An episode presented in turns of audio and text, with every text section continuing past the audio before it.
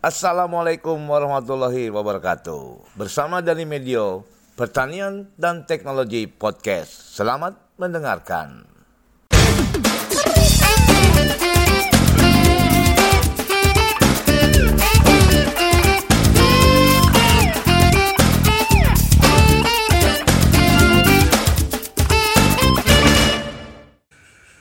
Kembali bersama dari Medio di podcast Pertanian dan Teknologi.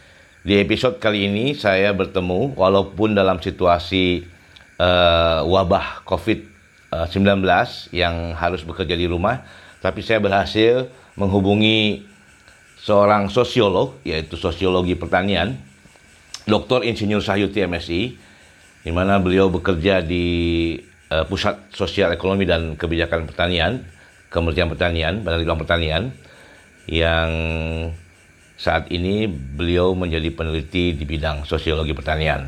Nah, obrolan saya kali ini adalah tentang uh, kelembagaan petani dan bagaimana uh, kondisi saat ini kelembagaan petani yang nanti akan menjadi korporasi kelembagaan ekonomi pertanian dan di mana peran penyuluh dalam membina kelompok tani Gapoktan untuk menuju ke, ke lembaga ekonomi pertanian yang uh, kita sebut nanti adalah korporasi. Baik, bagaimana bahasan beliau dengan saya? Kita dengarkan sama-sama di podcast episode kali ini yaitu pertanian teknologi tentang uh, kelembagaan petani. Mari kita dengarkan. Pak Juti, Assalamualaikum warahmatullahi wabarakatuh. Waalaikumsalam warahmatullahi wabarakatuh. Uh, Sobat Tani, saya sekarang uh, bisa nyambung langsung dengan Dr. Sayuti, yaitu sosiologi, sosiolog, sosiologi pertanian ya, di sana bidangnya Pak Sayuti ya. Uh, Pak Sayuti gimana kabar? Sehat? Alhamdulillah, Assalamualaikum warahmatullahi wabarakatuh. Nah ini kondisi kita nggak bisa ketemu, tapi kita bisa ketemu di udara nih. Lumayan. Iya. Lumayan, ya. Iya. Uh, Pak Sayuti, ini saya ini mencoba untuk merekam ini, kita ngobrol-ngobrol, ya. tapi akhirnya itu bermanfaat buat teman-teman, khususnya uh, masyarakat ya, pertanian, khususnya penyuluh pertanian dan uh, petani-petani yang ada di Indonesia. Kebetulan saya penyuluh pertanian Pak Sayuti dan saya membuat ini uh, podcast nanti itu bisa me, uh, bisa menjadi uh, apa ya ya wawasan menambah wawasan kemudian pengetahuan kemudian apa yang sudah karena saya lihat Pak Sayuti di uh, di blognya di blogernya di webnya dan bidang Pak Sayuti ini memang di sosiologi pertanian dan mungkin lebih ke ke ke, ke manusianya ya Pak Sayuti ya. Ya, nah, termasuk penyuluhnya juga. Ya, termasuk penyuluh. Nah, podcast saya ini memang tentang pertanian dan teknologi tidak hmm. akan lepas dengan uh, penyuluhnya, kemudian uh, petaninya dan berbagai komponen yang uh, bergerak di bidang pertanian ya. tentunya. Nah, Pak Sayuti, uh, banyak banyak yang bertanya sama saya dan saya juga banyak melihat di lapangan kemudian ini tentang ini Pak eh, tentang kelembagaan atau lembaga petani atau namanya organisasi petani. Itu teman-teman ya. masih ini kondisi seperti ini, seperti saat ini sekarang ini seperti apa Pak Sayuti, misalnya tentang kelembagaan, terutama kelompok tani Pak Sayuti ya. Mungkin bisa kasih pencerahan ke teman-teman bagaimana kondisi ya. pengembangannya. Iya baik, uh, Mas Dani. Jadi uh, intinya kan kalau kelembagaan di dalam Undang-Undang 19 2013 tentang perlindungan dan pemberdayaan petani itu kita menjelaskan dulu anunya ya definisinya biar kita ya, agak ya. gampang ini. Di situ kan disebutkan ada yang disebut dengan kelembagaan petani, ada yang disebut ya. dengan kelembagaan ekonomi petani. Kelembagaan petani di situ adalah kelompok tani, gapoktan, P3A, Pupja yeah. gitu ya. Sementara kalau kelembagaan ekonomi petani adalah uh, koperasi mungkin nanti karena dia badan usaha milik petani ya bisa berupa yeah. koperasi, bisa berupa perusahaan nanti ya. Nah, baik. Nah, sebenarnya di Kementerian Pertanian itu artinya dengan keluarnya undang-undang itu yang lalu sudah ada peraturan-peraturan di bawahnya. Kita memperhatikan keduanya ya, kita yeah. memperhatikan keduanya. Tidak hanya sekedar kelembagaan petani saja ya di dalam istilah itu, tapi juga kelembagaan ekonomi petani dan itu harus uh, dua-duanya kita perhatikan. Nah terakhir sekali biar kita juga uh, up, up to date dengan situasinya. Ya. uh, korporasi petani ini sekarang kan sejak 2017 itu 2018 2019 sudah dua tahun setengah uh, ya. kita sudah diperintahkan oleh Pak Presiden untuk ya. membangun korporasi petani. Korporasi petani ya. Nah, lalu mungkin Mas Dhani bertanya atau teman-teman bertanya korporasi petani, oke apa itu? Ya belum tahu. Yang kedua, kalau memang kemudian kita mengembangkan korporasi petani, kelembagaan petani posisinya bagaimana nih? Nah. Apakah masih dibutuhkan? Apakah nanti perannya di bagian apa nih dalam korporasi petani ini? Mungkin itu yang pertanyaan yang sering kali sebelum kita mendetailkan ke hal-hal sifatnya teknis ya, ya. misalnya kelompok tani mau diapain, nah, gimana kira-kira Mas Tani? Ya. Itu ya. situasinya seperti itu, ya, oke. Okay. Ya. Nah, lanjut atau lanjut lanjut lanjut dulu? Ya, ya lanjut. Oke, okay, nah baik, nah di dalam uh, itu, nah saya bisa jelaskan karena kebetulan saya terlibat semua di dalam penyusunan itu kita saya terlibat dalam penyusunan uh, grand desainnya korporasi petani, pedum produksi petani, saya juga terlibat dalam uh, rancangan peraturan presidennya yang saat ini tiba-tiba karena kita dalam situasi uh, eh, WFA ini ya. semua berhenti dulu sementara nih. Jadi rancangan peraturan presidennya sudah ada di Bapenas sementara berhenti. Nah, di dalam rancangan itu yang jelas yang karena saya uh, di dalamnya terlibat kira-kira rencananya seperti ini ya. Uh, Nanti pelaku utamanya itu di dalam korporasi petani ini adalah KIP ya. Jadi kelembagaan ekonomi petani. Yang akan menjalankan bisnis-bisnis petani itu nanti nanti kita rancangnya itu per kawasan sebutlah satu kecamatan karena kalau satu desa itu itu hanya terlalu kurang besar ya sebutlah satu kecamatan itu nanti hmm. makanya ini berhubungan juga dengan Kostrata nih ya teman-teman pasti sudah tahu juga dengan Kostrata nih. Nanti uh, itu dijalankan utamanya yang menjalankan bisnis bisnis itu adalah korporasi petani. Nanti bentuknya lebih kurang nanti kedua ada dua bisa kooperasi, bisa uh, perusahaan pertanian. Perusahaan pertanian nanti bisa berupa PT, bisa berupa CV, NP, dan lain-lain. Nah, sebelah nanti bentuknya kooperasi.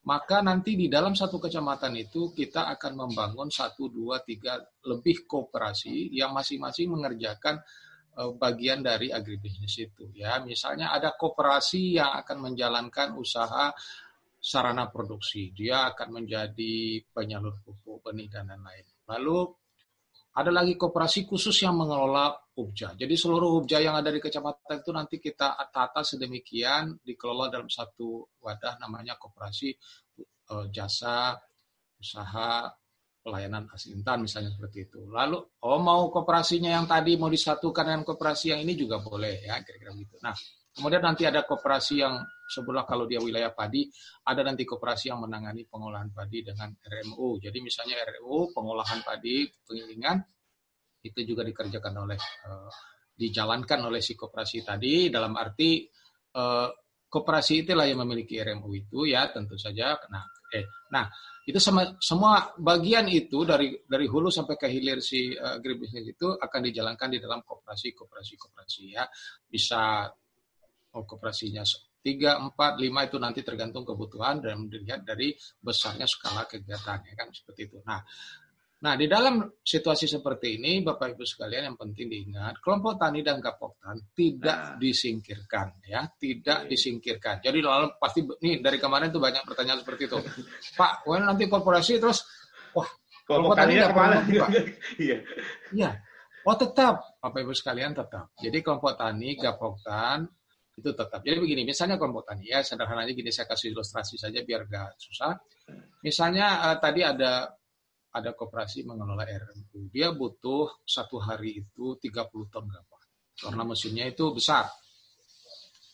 Nah, dalam mengumpulkan gabah kan si koperasi gak bisa kerja sendiri. Nah, nah dia kebetulan dia kerjasama dengan kelompok tani yang punya anggota kan.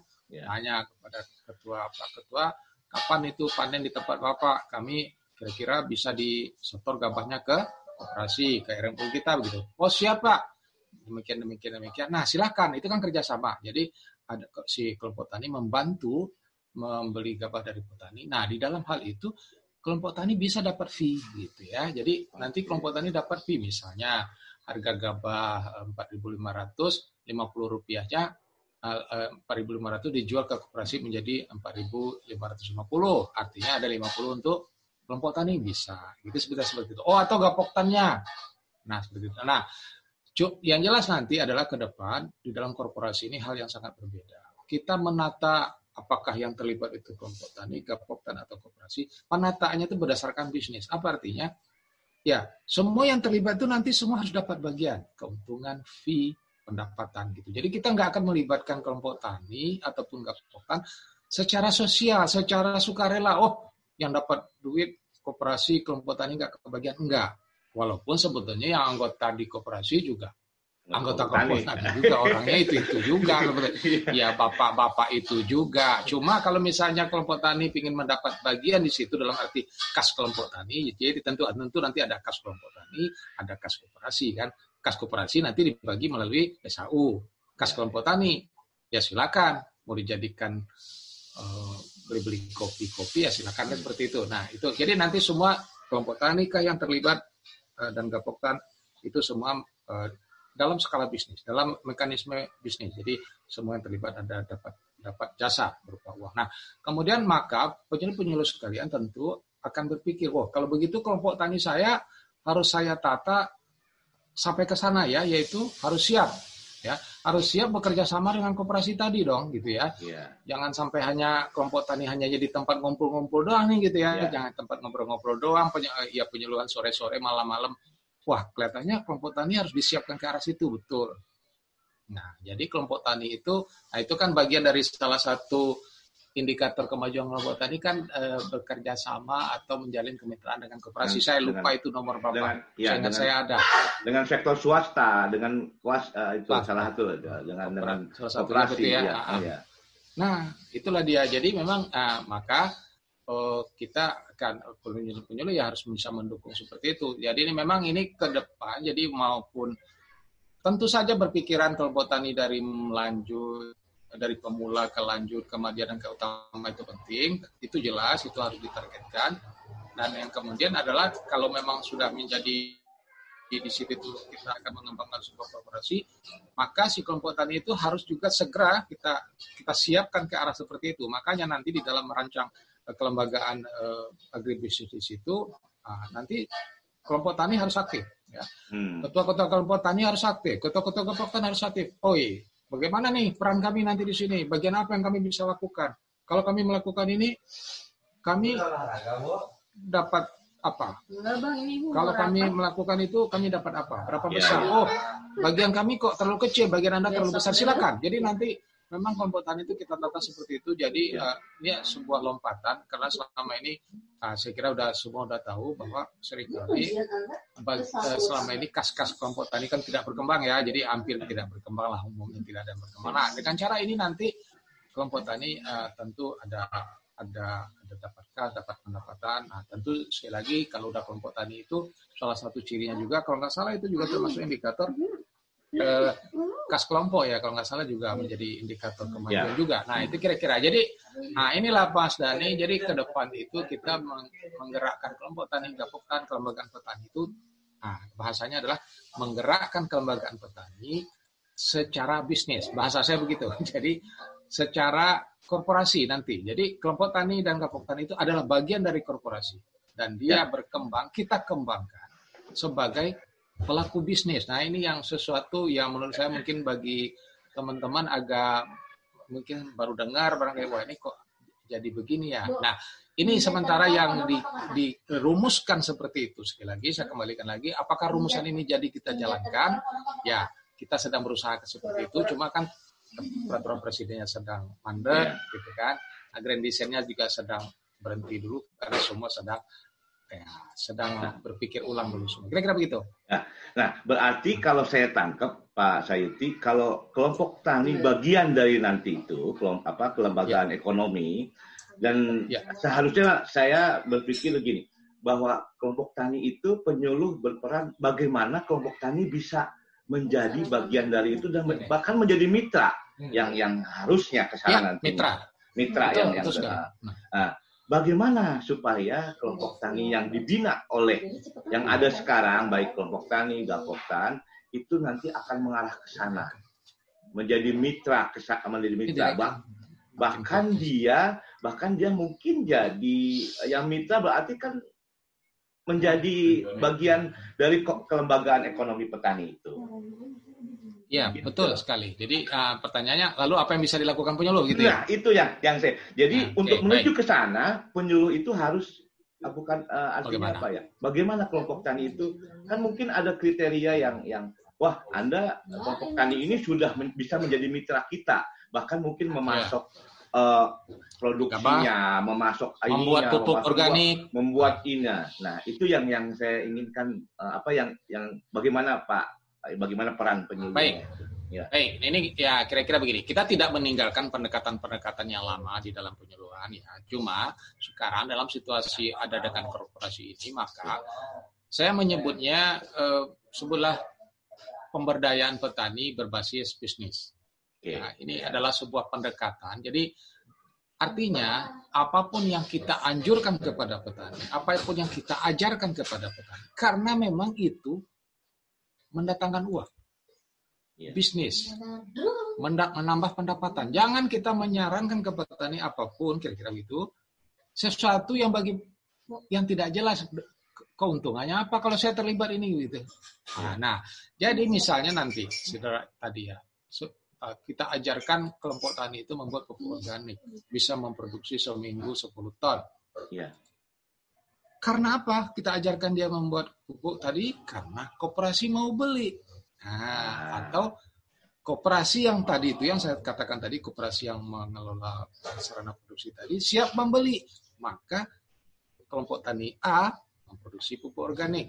Lalu kelompok tani B, kelompok tani B misalnya wah, saya bisnis apa nih? Ini ada koperasi menawarkan apa? Koperasi misalnya siap membuat benih berlabel Oh, kalau gitu calon benihnya, ah, kelompok tani B siap membuat menanam calon benih yang lalu dibeli oleh koperasi, lalu dikantongin, diseleksi dan lain-lain dengan bantuan PPSB eh, menjadi benih. Seperti itu. Jadi kelompok-kelompok tani tadi, kelompok tani satu, dua, tiga adalah pelaku-pelaku bisnis. Yang melakukan siapa? Ya tetap petani dong. Yeah. Kan kelompok tani itu hanya wadahnya ya kan. Yeah. Nah, di sinilah nanti penyuluh itu sekali mengembangkan kelompok tani tadi, gapoktan apa pun dia, peta, itu dalam rangka seperti bisnis. Maka setiap kelompok, setiap penyuluh nanti punten harus belajar yeah. yang disebut membuat bisnis plan walaupun sederhana.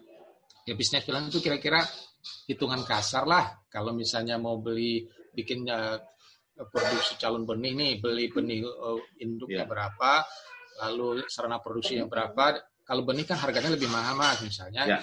Kalau gabah biasa 4.500 dia bisa 5.500 ya. Nah, hitung-hitung itu oh masuk silakan. Berarti kelompok tani tadi jadi buat benih. Nah, kelompok tani ini jadi bikin pupuk organik dengan hitung-hitungan.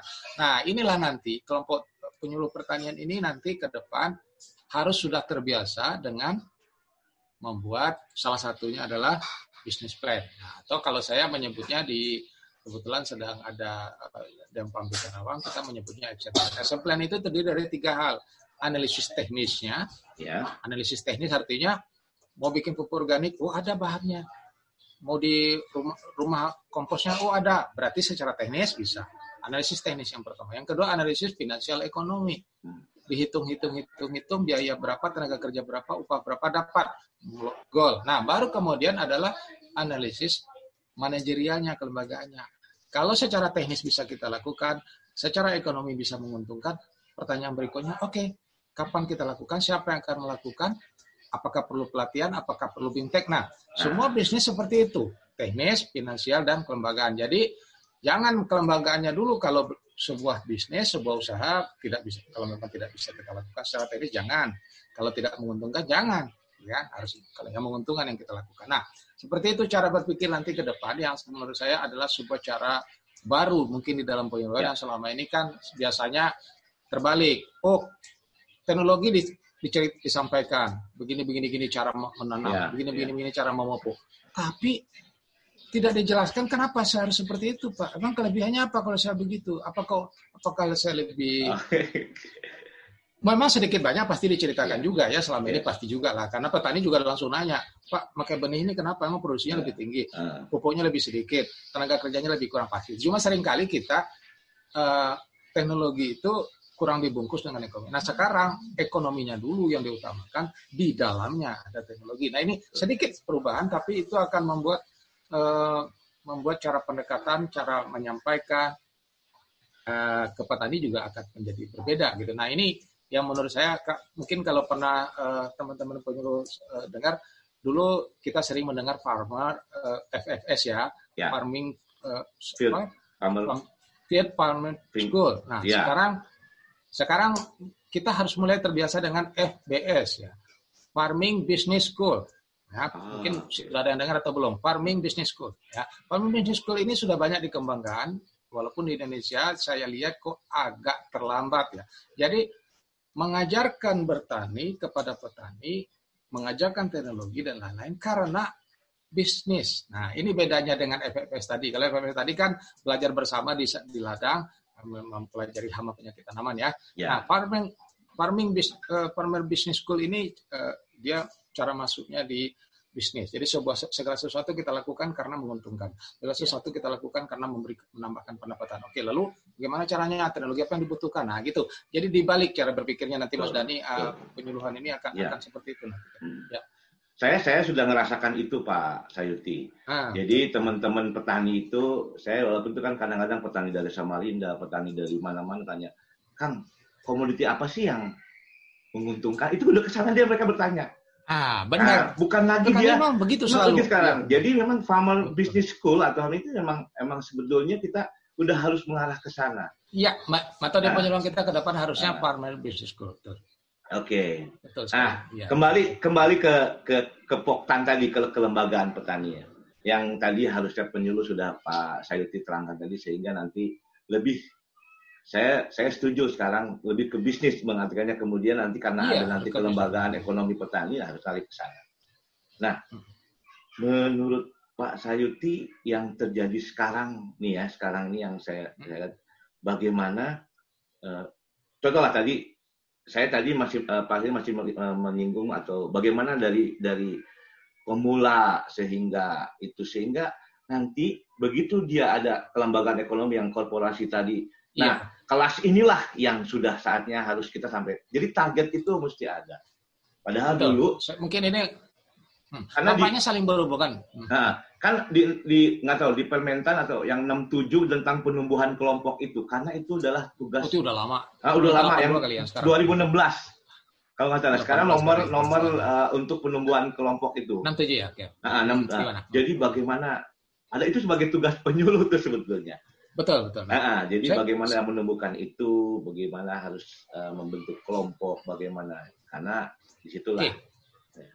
Saya Gimana, belum menca saya belum mencermati secara detail permintaan terakhir itu dengan uh, konsep korporasi ya, tapi ya, saya yakin adalah uh, saya kira di, di permintaan itu pasti sudah dibuka peluang bahwa uh, memang bahwa kelompok tani itu akan menjadi pelaku bisnis dan lain-lain lalu bekerja sama dengan swasta dalam hal ini juga kooperasi gitu ya. Saya kira di dalam permintaan itu sudah ada. Jadi kalau boleh ditanya secara simpel kelompok tani seperti apa sih yang ready gitu ya untuk bekerja sama. Mungkin bayangan saya sekitar kelompok tani kelompok tani kelas media ya mungkin ya.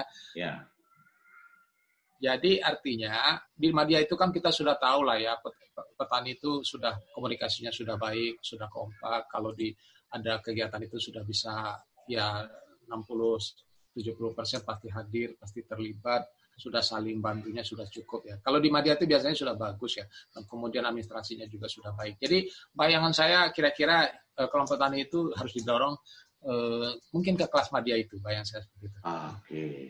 jadi itulah target. Jadi sampai se apa penyuluh jadi jadi ini nih, jadi apa? Oh iya. Eh, iya, harus, jadi harus bisa. Sampaikan, Nah, betul saya saya sebetulnya ada ini sebelum diskusi dengan Pak Sayuti saya ngobrol dengan teman-teman penyuluh sebetulnya Pak Sayuti. Hmm. Di teman-teman penyuluh khususnya di BPTP dan BB2TP ya karena memang Uh, di, di, di, tadi malam juga saya telepon PPL tingkat PPL saya telepon ah, ah, ah. emang begitu iya Kang Dani saya sekarang bagaimana ya penyuluh itu not only uh, ngasih budidaya ini teknis. Jadi dia juga iya. harus jadi kadang jadi broker pak, kadang jadi bridging knowledge, kadang jadi iya. ini. Nah akhirnya lupa Makanya, tuh dia, akhirnya lupa bagaimana kelas kelompoknya itu harus dinaikin. Saya kadang-kadang lupa pada dia. Sebenarnya saling, saya saling saling berhubungan sih. Yeah. Memang betul, makanya di dalam penyuluhan itu kan dari dulu uh, ada debat ya. Ya. Penyuluhan itu kan eh, dalam bahasa Inggris kan nyebutnya attention worker ya. Ya. Attention worker. Lalu ada lagi istilah kalau kita baca referensi penyuluhan yang disebut dengan problem solver ya. Benar, sering ya, pasti ya. Problem ya. solver. Nah, problem solver itu itu juga penyuluh. Problem solver itu adalah orang yang bisa menyelesaikan masalah petani. Oh, kalau masalah teknologi, ya teknologi. Oh, masalah modal, ya modal. Penyuluh itu juga problem solver. Saya sudah sering dengar kan? Ya, ya, Jadi ya. ini sebetulnya bukan hal baru juga dalam konsep penyuluhan. Jadi kita aja yang selama ini suka menyempit-nyempitkan penyuluhan seolah-olah penyuluhan itu mengajarkan petani cocok tanam. Yeah. Bukan itu masalah yang kecil. Bahkan sebenarnya kalau teman-teman mencermati Undang-Undang 16 tahun 2006 tentang penyuluhan ya, sistem yeah. penyuluhan SP3 ya. Yeah. Bahkan penyuluh itu tidak hanya menyuluh pelaku utama ya. Lihat di dalam yeah, itu yeah. ada pelaku usaha. Usaha. Nah, yeah pelaku, pelaku usaha. Iya betul. Pelaku usaha itu di dalam terminologinya siapa Pak Dani? Petani juga. Pemilik kios pupuk. Pemilik, iya. pemilik kios pemilik pupuk itu pelaku usaha Pak. Oke. Okay. Petani pemilik traktor itu pelaku usaha. Iya betul. Orang punya penggilingan itu pelaku usaha. Artinya penyuluh juga harus menyuluh kios. Ya. Harus menyuluh RMU. Loh iya dong. Betul. Kenapa kita lupa? Undang-Undang 16 kan clear sekali. Coba saya tanya sekarang, pernah nggak selama ini penyuluh kita merencanakan kegiatan sesama kios? Oh, misalnya kios di desa itu ada lima, sekali-kali disuluh misalnya agar menjual. Atau apalah di dalamnya ya. Nah, oh, bagaimana mengajarkan kios-kios itu agar menjual pestisida yang ramah lingkungan. Pernah nggak? Coba saya tanya. Sekarang. Menurut saya nggak ada belum tuh. Saya juga nah, sendiri nggak kepikiran ke sana. Belum, belum ya, kepikiran. Pernah mungkin ada satu dua ya, mungkin ada satu dua yang ya. memang dia sambil. Betul. Bahkan lebih jauh Pak, dan penyuluhan itu juga bertanggung jawab dalam pengolahan makanan. Nah di ya. Kota Bogor aja sekarang. Orang sekarang ada pertanyaan yang iseng tapi kadang-kadang nggak pas. Di Kota Bogor nggak ada sawah betul. Lalu perlu penyuluh nggak? Perlu Pak masih. Perlu. Hmm. Itu coba sekarang dari talas dijadiin kue. kue. Itu ngolahnya udah benar atau belum? Ya. Dia pelaku usaha kan?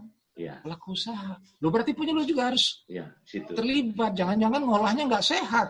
Ya. Undang-undang pangan juga mengatakan bahwa itu tugas pemerintah menjamin pangan sehat. Punten. Ya. Memang ada penyuluh. Siapa lagi yang kalau bukan penyuluh itu yang melakukannya? Jadi di kota Bogor, di kota Jakarta sekalipun jangan salah penyuluh tetap dibutuhkan. Oke, Bahkan betul. di iya dan nggak ada sawah Oke. juga jangan dikira. Nah ini jadi penyuluh ini sebenarnya tidak akan hilang profesi ya. itu karena sepanjang pertanian ini kan tidak ada selesainya. Kalau dia tidak bekerja di sawah ya di pengolahan, di pemasaran dan lain-lain. Nah, di dalam pemasaran juga begitu, pelaku usaha kan. Coba saya ulangi lagi. Undang 16 bicara tentang pelaku utama dan pelaku usaha. Pelaku usaha adalah seluruh orang yang terlibat secara langsung, tidak langsung, tidak langsung dan tidak langsung dalam pertanian. Pedagang pengumpul gabah itu pada hakikatnya juga pelaku usaha. Pernah nggak ya, ya. pedagang pengumpul gabah di Solo? Sok saya tanya sekarang. Tidak ada kan? Belum. Nah, itu undang-undangnya udah lama kita baca. Ya, ya, ya, kan? Nah, nah, Artinya selain kita bikin penyuluhan sore-sore, malam-malam di kelompok tani, sekali-kali undanglah para pedagang-pedagang itu ditata, diobrolin, ditata perdagangannya, jangan yeah. suka beli gabah suka-suka. Banyak sekali. Jadi sebenarnya penyuluhan itu, eh, teknologi itu saya menurut saya itu hal yang baru satu bagian kecil walaupun ya. itu juga sulit ya tidak mudah juga. Tapi, tapi saya itu. ya tapi saya sudah mulai ini juga berarti memang ya ya pelaku utama pelaku usaha Artinya apa? Bahwa kita juga salah satu kita menjadi fasilitator bagaimana uh, memfasilitasi eh, orang-orang terutama masyarakat pertanian yang membutuhkan uh, uh, tentang itu. Seperti kemarin ada seorang pemuda tani, pemuda dia seorang hmm. pemuda tapi dia sebetulnya hanya trading sebetulnya. Tapi di ah, oke, okay. ya. Quote, quote dan quote ya. tapi beras dia. Nah itu termasuk juga saya lain. Kalau gimana, nah, bagaimana pada ini atau ke teman-teman saya yang penyuluh, ini gimana minta izin? Karena kalau dia mau jual ke lote misalnya atau atau ke supermarket oh, yang iya. besar, itu biasa harus harus ada izin perizinannya. Kemudian betul, harus betul, ada betul. uji mutunya. Nah kayak gitu-gitu tuh. Bagaimana? Bagaimana? Penyuluh pun harus maka ya. penyuluh kita harus sampai ke sana agar penyuluh kita mampu membantu itu. Ya mari Mas Dani penyuluh-penyuluh yang di pusat ini ya bikinlah bimtek untuk penyuluh-penyuluh itu. Sehingga penyuluh-penyuluh itu pun paham. Saya Misalnya, akan ah bimtek ya, tentang pengembangan usaha pengolahan. Dalam hal legalitasnya. Legalitasnya. Ya ah legalitasnya. Bimtek menjangkau atau mengembangkan jaringan pemasaran. Kan Ya. Boleh itu, nggak boleh ya bisa itu ya. Banyak sekali harus ya. bisa dilakukan. Ya. Ya. Teman-teman bisa bikin modul, bisa bikin bimtek, bisa bikin hmm. penyuluhan. Nah, saya kira, karena memang eh, penyuluh itu kita harapkan menjadi program solver segala urusan. Ya. Nah, ini itu pekerjaan yang tidak mudah memang, tapi tentu kalau sepanjang dukungannya dari atas, ya, dari tengah dan dari bawah cukup ya penyuluh kita harus disetting seperti itu nanti ke depan dan ya memang sekarang pun udah diminta seperti itu ya penyuluh kita tuh nggak hanya yeah. bicara pupuk, pupuk, pestisida, ya iya tuh juga tapi banyak harus sampai ke sana siap. Begitulah kira-kira. Wah ini keren ini, mudah-mudahan ini. Terakhir ini terakhir ini, walaupun singkat Mas Ayuti tadi saya dari amat runut dari uh, apa dari atas kelembagaan seperti ini. Ini hmm. sebetulnya terakhir pertanyaan saya ini uh, dihubungkan dengan keilmuannya Pak Sayutin ya. Saya ingin ya, ya. Pak Sayutin memberikan uh, apa ya ya cerahan untuk mengembangkan tadi kelembagaan atau kelompok tadi. Bagaimana dengan keilmuan yang Pak Sayutin buat penyuluh nih? Walaupun tadi kita di, di, di, di sela-sela obrolan udah ada sih ya. Sekarang terakhir Oke. supaya entar gini, gimana Pak Sayutin? Oke, okay, ya, yang saya dalam ini kan uh, sebetulnya ilmunya agak lebar ya, ya saya, saya sebut dengan sosiologi pertanian. Ya. Sosiologi pertanian itu sebenarnya bidang yang luas. Uh, sederhananya beginilah. Ini ada pertanian, lalu ada orang-orang yang terlibat di situ ya, mulai dari semuanya lah, pemerintah, masyarakat, pedagang, semua orang yang terlibat di pertanian langsung dan tidak langsung itu dibahas di dalam keilmuan sosiologi ini. Sosiologi itu kan sederhananya adalah hubungan relasi antar manusia terhadap sebuah objek jadi kalau sosiologi pertanian itu adalah bagaimana relasi orang demi orang yang berhubungan dengan pertanian terhadap bidang pertanian. Maka penyuluhan itu salah satunya jelas bagian dari sosiologi pertanian. Hmm. Kalau bagi saya, hmm. walaupun orang penyuluhan bilang eh, ilmu penyuluhan bidang sendiri betul. Tapi misalnya ketika uh, uh, penyuluhan kan bicara orang. teknologi, hmm. hmm, so, tetap kan misalnya bagaimana penyuluh misalnya berhubungan dengan Eh, pemerintah daerah, bagaimana penyuluhan berhubungan dengan swasta, bagaimana penyuluh swasta dengan penyuluh swadaya dan penyuluh pemerintah saling berhubungan. Hmm. Hmm. Itu unsur-unsur sosiologinya di sana ada. Berarti itu tidak hanya sekedar ilmu penyuluhan teknis ya hmm. dalam arti menyampaikan teknologi. Nah, sosiologi pertanian uh, memiliki karena dasarnya ilmu sosiologi pertanian itu adalah kepada yang paling mendasar ya dari ilmu sosiologi itu adalah relasi ya. Jadi ketika ada dua orang berhubungan, apalagi tiga orang, apalagi sekian orang, hmm. maka relasinya menjadi rumit. Kenapa relasi terjadi? Bagaimana relasi bisa efektif? Di dalam relasi ada kerjasama, ada konflik, ada dan lain-lain. Nah, kenapa ada orang kerjasama? Kenapa orang berkonflik? Itu semua dibahas di dalam sosiologi pertanian. Jadi penyuluhan, pemberdayaan masyarakat, itu semua bagian dari uh, sosiologi pertanian. Termasuk sampai ke regulasi juga. Kenapa misalnya pemerintah daerah tidak peduli dengan pembangunan pertanian. Wah, itu dibahas bukan di ilmu penyuluhan tuh, Mas. Ya, kira-kira begitu. Itu dibahas di dalam sosiologi pertanian. Ilmu yeah, penyuluhan yeah. tidak sampai mungkin uh, kurang memperhatikan gitu ya, kira-kira begitu. Nah, itu Mas Dani. Nah, jadi ilmu ini uh, ilmu yang terbuka yang uh, memang membahas uh, secara luas uh, perdagangan dalam pertanian, agribisnis uh, bahkan ekonomi pertanian itu sebenarnya kalau bagi saya itu bagian dari sosiologi pertanian juga karena di dalam ekonomi kan ada orang yang saling berhubungan. Pokoknya sepanjang ada orang yang saling berhubungan terhadap masalah apa pun, di sana sosiologi hadir. Sederhana itu. Sampai bagaimana mengembangkan kelembagaan itu ya, karena karena berhubungan Masuk. itu ya. ya termasuk termasuk ya. itu hanya bagian kecil dari sosiologi pertanian. Nah, kemudian memang kalau sosiologi pertanian lalu di, di, difokuskan kepada kelembagaan ya, kelembagaan itu eh, bagaimana menata relasi. Jadi kalau sosiologi tadi kan lebih terbuka, dia melihat relasi dan lain-lain. Nah, kalau kelembagaan lebih fokus lagi eh, kepada eh, bagaimana si relasi itu efektif gitu ya. Kalau sosiologi itu kan dia hanya menjelaskan saja. Oh, ini dengan ini uh, tidak efektif, ini dengan ini tidak jalan. Uh, tapi ketika sudah masuk ke ilmu kelembagaan, ilmu kelembagaan lebih fokus lagi bagaimana sebuah relasi bisa efektif. Itu itu efektif itu artinya apa? Ya mungkin penjelasannya nggak bisa pendek juga ya. Tapi kira-kira ciri-cirinya beginilah. Relasi yang efektif itu adalah relasi yang dilakukan uh, di mana tujuan dari relasi itu tercapai dengan cepat dan murah gitu ya. Jadi misalnya gini gampangnya gini.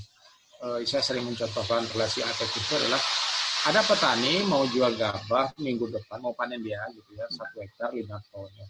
Lalu dia menelpon seorang pedagang yang sudah langganan, hmm. yang namanya sudah langganan ya harganya sudah jelas, cara menimbangnya sudah benar, bayarannya pun sudah jelas.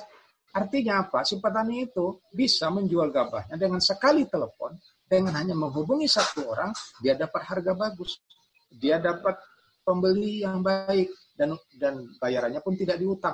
Itu artinya relasinya efektif gitu. Ya, ya. Relasi efektif se seperti itu. Jadi nggak perlu bukannya oh bukankah pembelian gabah harusnya oleh koperasi itu betul kalau koperasinya sudah ada sudah bagus sudah jalan lalu koperasi ditelepon koperasi datang bayar segala macam efektif itu juga relasi yang efektif jadi mana pun relasi yang efektif itu yang dipilih petani kalau petani kan mikirnya iya. mikro ya kalau nggak ada koperasi ya dia lari ke pedagang gitu mana pun lah dia. Nah, ah, nah ilmu kelembagaan menata sebuah pelaku-pelaku ekonomi sehingga reaksinya efektif tapi nilai tambah nilai tambahnya itu kembali ke petani. Ah sekali lagi itulah korporasi. Jadi kalau yang beli tadi koperasi tentu dari gabah menjadi beras itu sekitar 1.100 rupiah ya kalau beras premium ya.